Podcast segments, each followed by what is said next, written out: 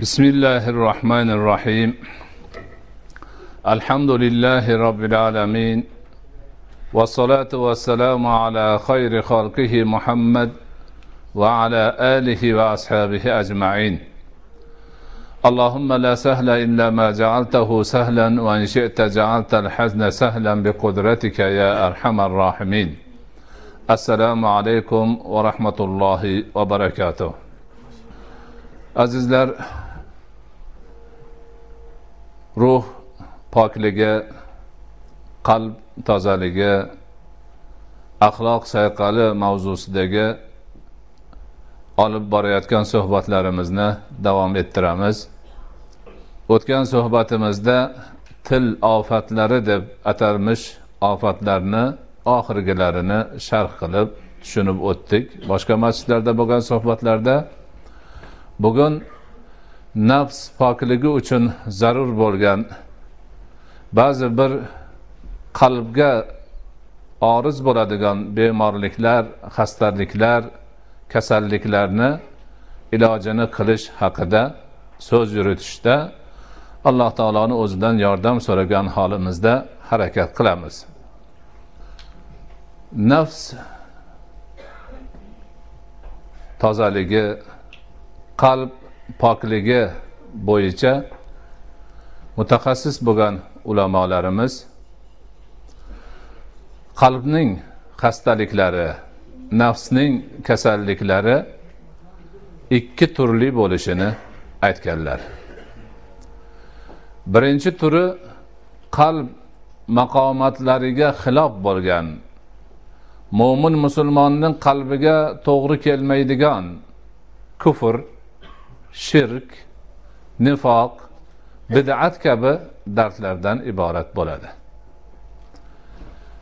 Qalb kasalliklarini ikkinchi turi alloh subhanahu va taoloning go'zal ismlariga xilof bo'lgan payg'ambarimiz alayhissalotu vassalomning axloqlariga xilof bo'lgan noo'rin g'azab singari ma'naviy dardlar jinoyatlardan iborat bo'ladi.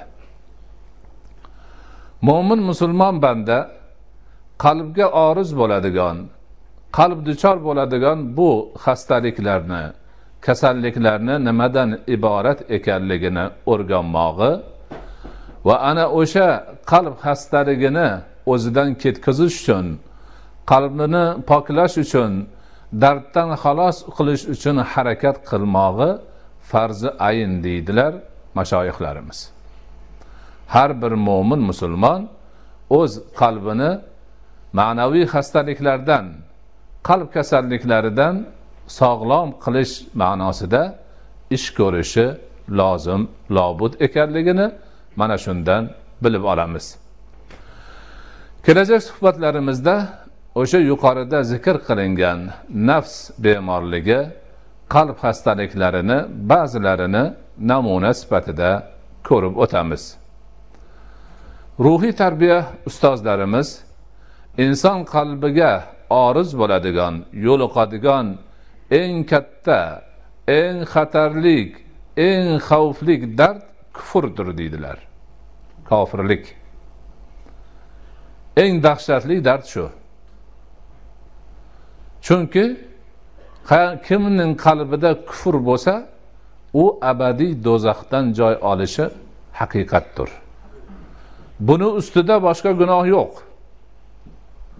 Boshqa gunohlar hammasi kufr gunohini ostida pastda turadi. Kufr o'zi nima? Kufr kofirlik deganda nimani tushunamiz biz? Hozircha kofir kofir deb kelamiz. Musulmon emas odam kofir deymiz. Yana nimalarnidir deymiz aytamiz. Bu istilohda bor. Lekin biz ilmiy ravishda bu narsani hali ta'rifini aytganimiz yo'q eshitganimiz yo'q bilganimiz yo'q. Kufr so'zi kafara fe'lidan olingan bo'lib arab tilidagi so'z va uni ma'nosi to'sdi berkitdi ma'nosini anglatadi. Bir narsa turgan bo'lsa shuni shundoq bekitib qo'ysa kafara kufr bo'ladi. Shuning uchun arablar goh vaqtlarda dehqonlarni ham kofir deyishadi ya'niki urug'ni ekib ustini yopib qo'yganligi uchun tuproq bilan. Ana banda tug'ilganda tabiati sof tabiat bilan tug'iladi. Haqiqiy tabiiy hol bo'lsa mo'min bo'lishi kerak qalbida iymoni bo'lishi kerak. Iymonni tark qilib kufrni ixtiyor qilgan odam iymonini bekitib kufrni ko'rsatganligi uchun kofir deyiladi. Lug'atda mana shu narsani demak ulamolarimiz bizga tushuntirish uchun aytganlar. Ulamolarni istilohida esa muhammad payg'ambar sollallohu alayhi vasallam keltirgan ta'limotlarni inkor qilib unga ishonmagan. Dinda zarurat bo'lgan narsalarga iymon keltirmagan odam kofir deyiladi. Payg'ambarimiz oxirgi payg'ambar barcha haloyiq insu jin u zoti va barakotga iymon keltirsagina musulmon bo'ladi mo'min bo'ladi. Demak muhammad alayhissalom keltirgan ta'limotlarga iymon keltirmagan odam ishonmagan odam inkor qilgan odam ulamolar istilohida kofir deb aytiladi. Ahli sunna va jamoani tarifi shu bundan boshqa ta'rifga hojat yo'q. Qur'oni karimda hadisi sharifda diniy kitoblar ta'limotlarda kufr so'zi ikkiga bo'linadi. Ikkiga bo'linishi e'tiqod ma'nosidagi kufr ya'ni iymonni ziddi bo'lgan narsa ham kufr deyiladi. Misol uchun falonchi islomga iymon keltirdi yoki allohga iymon keltirdi va butlarga kufr keltirdi. Mana shu yerda iymon bilan kufr bir biriga qarama qarshi narsalar. Bu haqiqiy kufr katta kufr mana shu demak insonni do'zaxda abadiy qoldiradigan kufr. Ikkinchi ma'nosi kufr so'zi qur'onda ham hadisda ham boshqa diniy manbalarimizda ham shukurni teskarisiga ham ishlatilgan. Falonchi kufroni ne'mat qildi ya'niki o'ziga berilgan ne'matga shukur keltirmadi degan ma'noni anglatadi.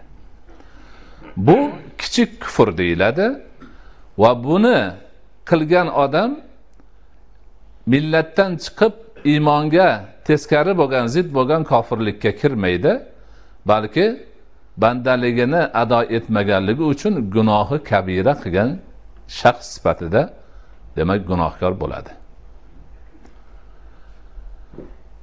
Ana demak kufr aqidaviy kufr bo'lar ekan amaliy kufr bo'lar ekan.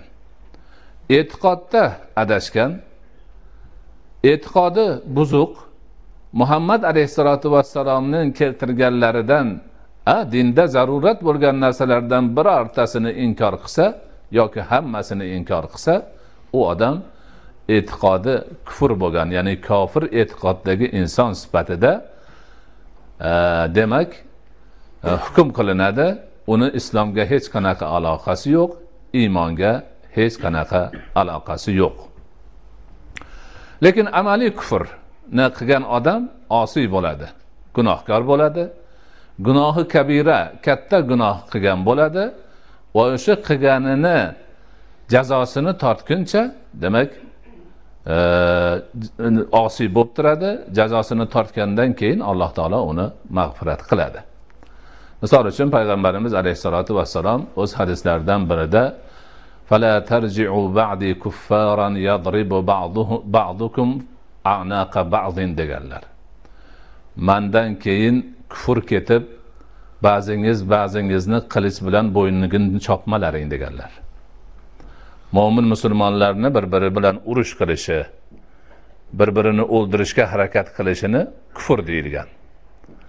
Bu kufr ana shunaqa amaliy kufr hisoblanadi. Unda iymondan chiqib ketmaydi lekin juda ham katta gunohkor bo'ladi. Va uni jazosini albatta do'zaxda tortadi. Belgilangan jazoni o'tab bo'lgandan keyin olloh xohlasa o'zi chiqarib oladi. Mana shu oqibatda demak biz kufrni qandoq ekanligini yaxshi bilishimiz kerak. Kattasidan ham kichigidan ham e'tiqodiysidan ham amaliysidan ham hazir bo'lishimiz bularga hech qachon yaqin yo'lamasligimiz kerak bo'ladi. Alloh subhanahu va taolo kufrni nihoyatda qur'oni karimda qattiq qoralagan. Bu ishni dahshatli ekanligini anglash uchun alloh taolo qur'onda kufr unga bog'liq narsalarni kofirlarni tortadigan jazolarini hammasini qo'shib uch yuz o'n bir dona oyatda zikr qilgan. Eng ko'p qur'onda zikr qilingan masalalardan biri kufr masalasi. Kofirlarni sifatlari kufr nima ekanligi ularni jazosi do'zaxdagi kuyishi hammasini demak zikr qilingan oyatlarni ulamolarimiz sanab chiqsa uch yuz o'n bitta oyat chiqqan. Mana bu alloh taolo bu ulkan gunohga o'zining kitobida qanchalik e'tibor berganligini ko'rsatadi.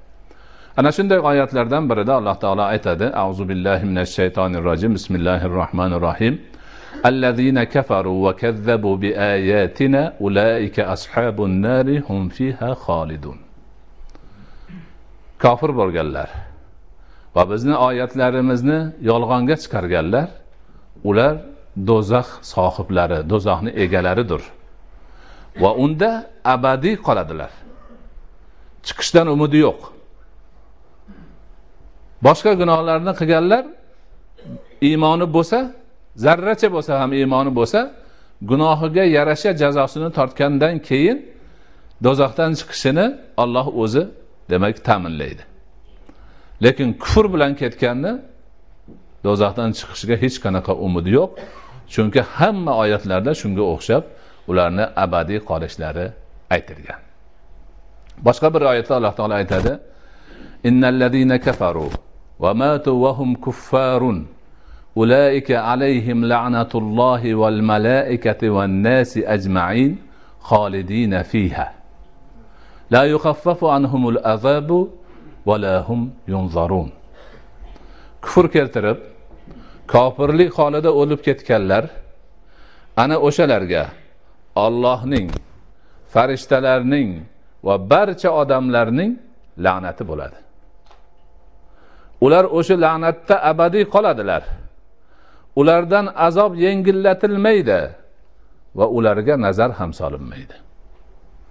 Bunaqa azob bunaqa uqubat bunaqa jazo boshqa gunohlarga aytilmagan.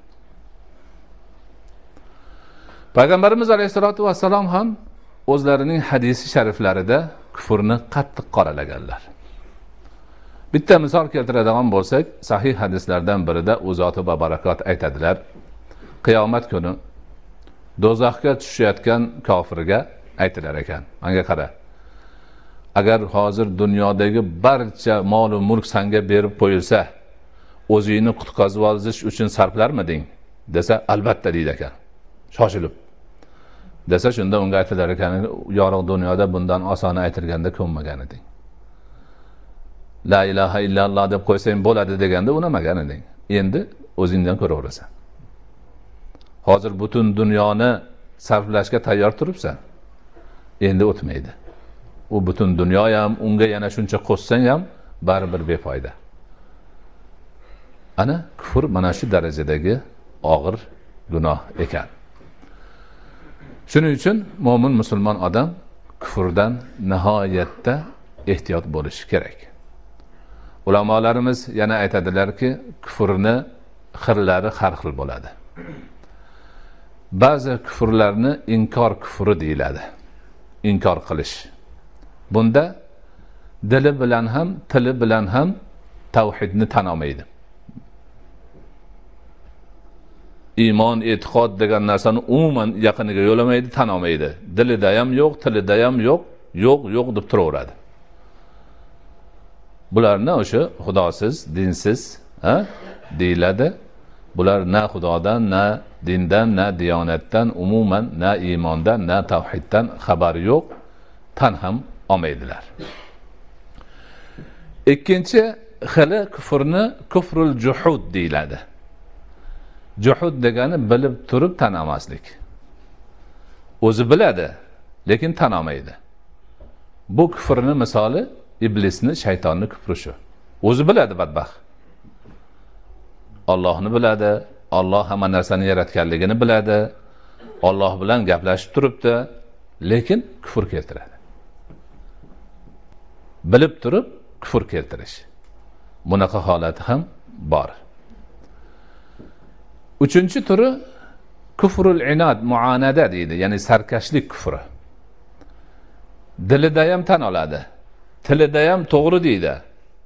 Lekin sarkashlik qilib e, buni aytsam odamlar nimadir ekan? Uyat qilmasmikin?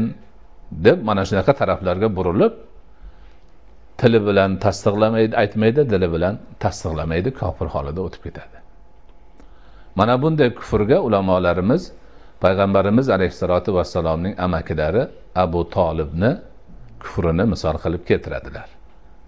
Hazrati alini otalari abu tolib qurayshni kattalaridan bo'lganlar rasulullohni boqib katta qilganlar payg'ambar bo'lganlaridan keyin himoya qilgan. Qurayshni hammasidan ular bilan janjallashib rasulullohni himoyasini qilgan. Lekin o'layotgan chog'ida ham ey amaki la ilaha illalloh deb qo'ygan qolganini manga qo'ygin desam unamagan. Odamlar nima deydi? Odamlar nima deydi? Qurayshliklarni gapiga qolaman. Ana olloh o'zi boshlamasa mana shunaqa bo'lar ekan. Kufrni to'rtinchi xili ulamolarimiz aytadi kufrun nifoq nifoq kufri. Tili bilan mana musulmonman deydi dilida islomdan iymondan e'tiqoddan hech qanday zarracha yo'q. U faqat tilida aytyapti. Shuning uchun buni kufrun nifoq deyiladi. Mana bu narsalar juda bir dahshatlik xatarlik qalb xastaliklari bo'ladi. Alhamdulillah bizda yo'q bunaqa. Masjidda o'tirganlarda birortasida buni yaqin kelingani yo'q. Lekin biz bilib qo'yishimiz kerakki keyin ajratish uchun boshqalarni ajratib olish uchun ha?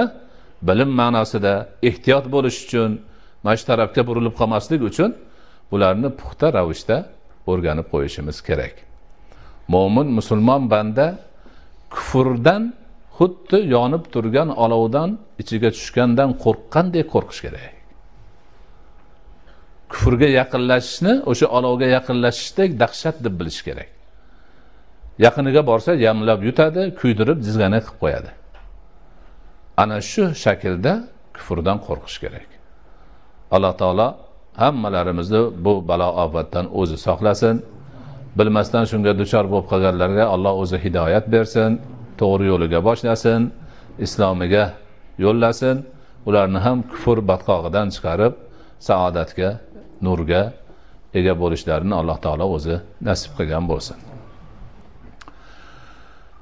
Ruhiy tarbiya mashoyihlari ta'kidlab hazir bo'lishga chaqirgan hammamizni ehtiyot bo'lishga chaqirgan qalb xastaliklaridan eng kattalaridan yana biri munofiqlik nifoq.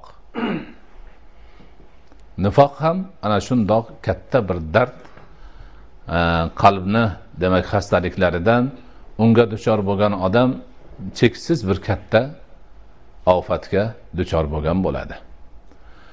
Nifoq so'zi nafaqadan olingan bo'lib nafaq so'zidan olingan bo'lib munofiq bu o'sha nifoqchi degan ma'noni bildiradi.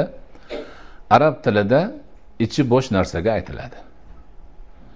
Sirti yaltirab turaveradi boshqa tarafga o'xshab lekin ichi bo'sh.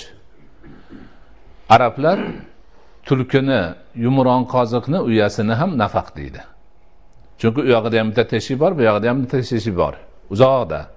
Ustidan qarasangiz yerga o'xshab turibdi. Bu yog'idan kiradi xavf bo'lib qolsa u yog'idan chiqib ketadi. U yog'ini to'ssang bu yog'idan chiqib ketadi. Munofiqlar ham shunaqa. Ustida musulmonlarga o'xshab turaveradi.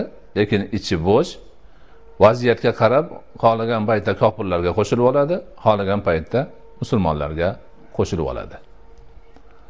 Hozirgi kunda ajnabiy tilda tunnel tannel deb aytishyapti. Tog'larni teshib yo'lni tagini teshib yo'l qilyapti. Shuni ham arablarda nafaq deyiladi. Usti boshqa yo'llarga o'xshab turaveradi lekin tagi teshik bu yoqdan bu yog'iga o'tilaveradi. Mana shu narsa demak lug'at ma'nosida nafaqni nifoqni tushuntirish munofiqlikni tushuntirish. Ruhiy tarbiya ustozlari munofiqlikni tili bilan islomni gapirib dili bilan inkor qiluvchi shaxsni munofiq deyiladi deb ta'riflashadi. Munofiqlik dardi islomning dastlabki paytida makkai mukarrama bosqichida bo'lmagan. Bu yerda ish ochiqchasiga bo'lgan. Yo shirk kufr yoki islom. Nifoq degan narsa bu yerda bo'lmagan. Musulmonlar zaif bo'lgan. Qiyin qisovni ostida bo'lganlar kofirlar mushriklar kuchli bo'lgan o'zini kufrini shirkini faxr qilib hammaga baralla aytgan. Sanlar otamizni dinidan chiqding musulmonmiz deyapsan sanlarni hammangni qiramiz yo'qotamiz chopamiz otamiz deyishgan. Ana o'n uch yil davomida nifoqdan hech qanaqa asar ham bo'lmagan.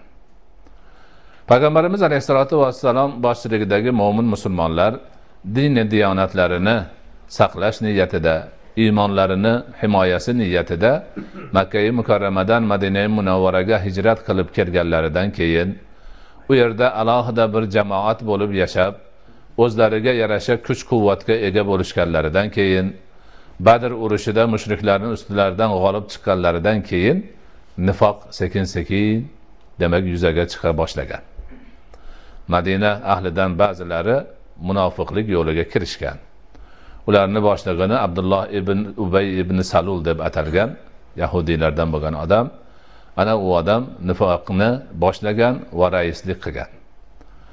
Ana ular og'zida biz musulmonmiz deb aytgan rasulullohga sizga iymon keltirdik deyishgan musulmonlar bilan qo'shilib namoz ham o'qishgan ba'zi vaqtda jihodga ham chiqishgan lekin qalblarida tasdiq yo'q iymon yo'q ishonch yo'q. Faqat islomga musulmonlarga qarshi nafrat ularga zarar yetkazish payidan bo'lishgan. Qancha qancha martalab xiyonatlar qilishib shartnomalarni buzishib ana rasuli akram alayhissalotu vassalomga mo'min musulmonlar jamoasiga yomonliklarni qo'lidan kelganlaricha qilgan. Lekin baribir yana sirtlarida biz musulmonmiz deb yurishavergan ana shu e'tibordan demak nihoyatda ehtiyot bo'lish kerak bo'ladi. Nifoqni ham ulamolarimiz ikkiga taqsimlashadi. Katta nifoq kichik nifoq. Katta nifoq haligi gap. Kufr ichida tashida sirtida musulmonlikni gapini gapiradi xolos. Boshqa gap yo'q. Kichik nifoq hadis shariflarda ba'zi bir salbiy sifatlarni munofiqlarni sifatidan ekanligi aytilgan va o'shanga yarasha tafsilotlar ham kelgan.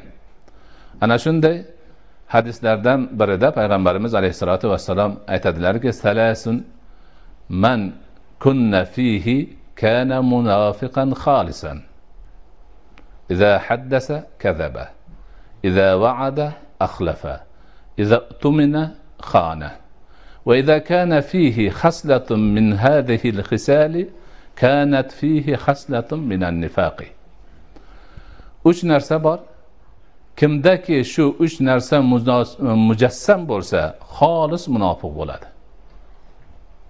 Nima bular desa gapirsa yolg'on gapiradi. Va'da bersa xilof qiladi. Unga omonat ishonib topshirilsa xiyonat qiladi. Ana shu xislatlardan bittasi bo'lsa bir mo'min musulmon bandada toki o'shani tark qilmagunicha munofiqlikdan bitta sifat turadi deydi. Yolg'onchida demak bitta munofiqlik sifati bor ekan palonchida bitta munofiqlik sifati bor deb aytilaverar ekan. Qachonki yolg'onchilikni tashlab tavba qilib o'zini o'g'nab yolg'onchilikdan qutulsa ana shu sifat ketar ekan. Yoki va'dabozlik va'dani berib xilof qilishlik sifati bo'lsa uni ham aytilar ekan. Yoki omonatga xiyonat qilish sifati bo'lsa uni ham aytilar ekan. Mana bularni kichik nifoq deyiladi. Ana kichik nifoq gunoyi kabiralardan ekanligini ulamolar ta'kidlashgan. Munofiqlarni ham alloh subhanahu va taolo qur'oni karimda qattiq qoralagan. E, alloh taolo aytadiki innal munafiqina fid darkil asfali minan nari va lan tajda lahum nasira. Albatta munofiqlar do'zaxni eng pastki qatida bo'lishadi. Qa'rida bo'lishadi. Va ularga yordam beruvchini zinhor zinhor topolmaysan. Bu yerda tushuniladiki munofiqlik vaqti kelsa kofirlikdan ham battar. Nimaga desa kofir man kofirman deb aytib turadi. Makkadagilarga o'xshab. Ha bu kofir deb bilinadida musulmonlar o'zini bilib u bilan muomalasini qiladi. Bu odamdan demak ehtiyot bo'laylik bizni aldab qo'ymasin yoki boshqa bo'lmasin kofirga yaxshi muomala qilishimiz kerak qilaveramiz lekin o'sha chegaramizni bilamiz deydi. Munofiq kelib man musulmonman deb turibdi. E, bu musulmon ekan deb ishonib qolib ana keyin cho'chish bor. Shuning uchun munofiqlikni kofirlikdan battarligi mana shu oyatdan chiqqan. Ana do'zaxni eng qa'riga eng chuquriga pastiga tushishlari aytilgan. Shuning uchun munofiqlik dardidan ham siz bilan biz mo'min musulmon bandalar nihoyatda ehtiyot bo'lgan holda o'zimizni olib qochishimiz kerak ekan. Birorta uning sifatlaridan sifat bizga yopishib qolmasligi kerak ekan. Ana o'sha taraflarni demak ehtiyot bo'lib nazarga olgan holda bu darddan ham biz qutulib yurishimiz ehtiyot bo'lishimiz boshqalarga ham nasihat qilishimiz lozim lobud ekan. Ho'p alloh subhanahu va taolo barchalarimizni kufr va nifoq dardlaridan o'zi asrasin. Doimo iymon e'tiqodli bo'lib muxlis mo'min musulmonlar safida bo'lishimizni nasib etsin.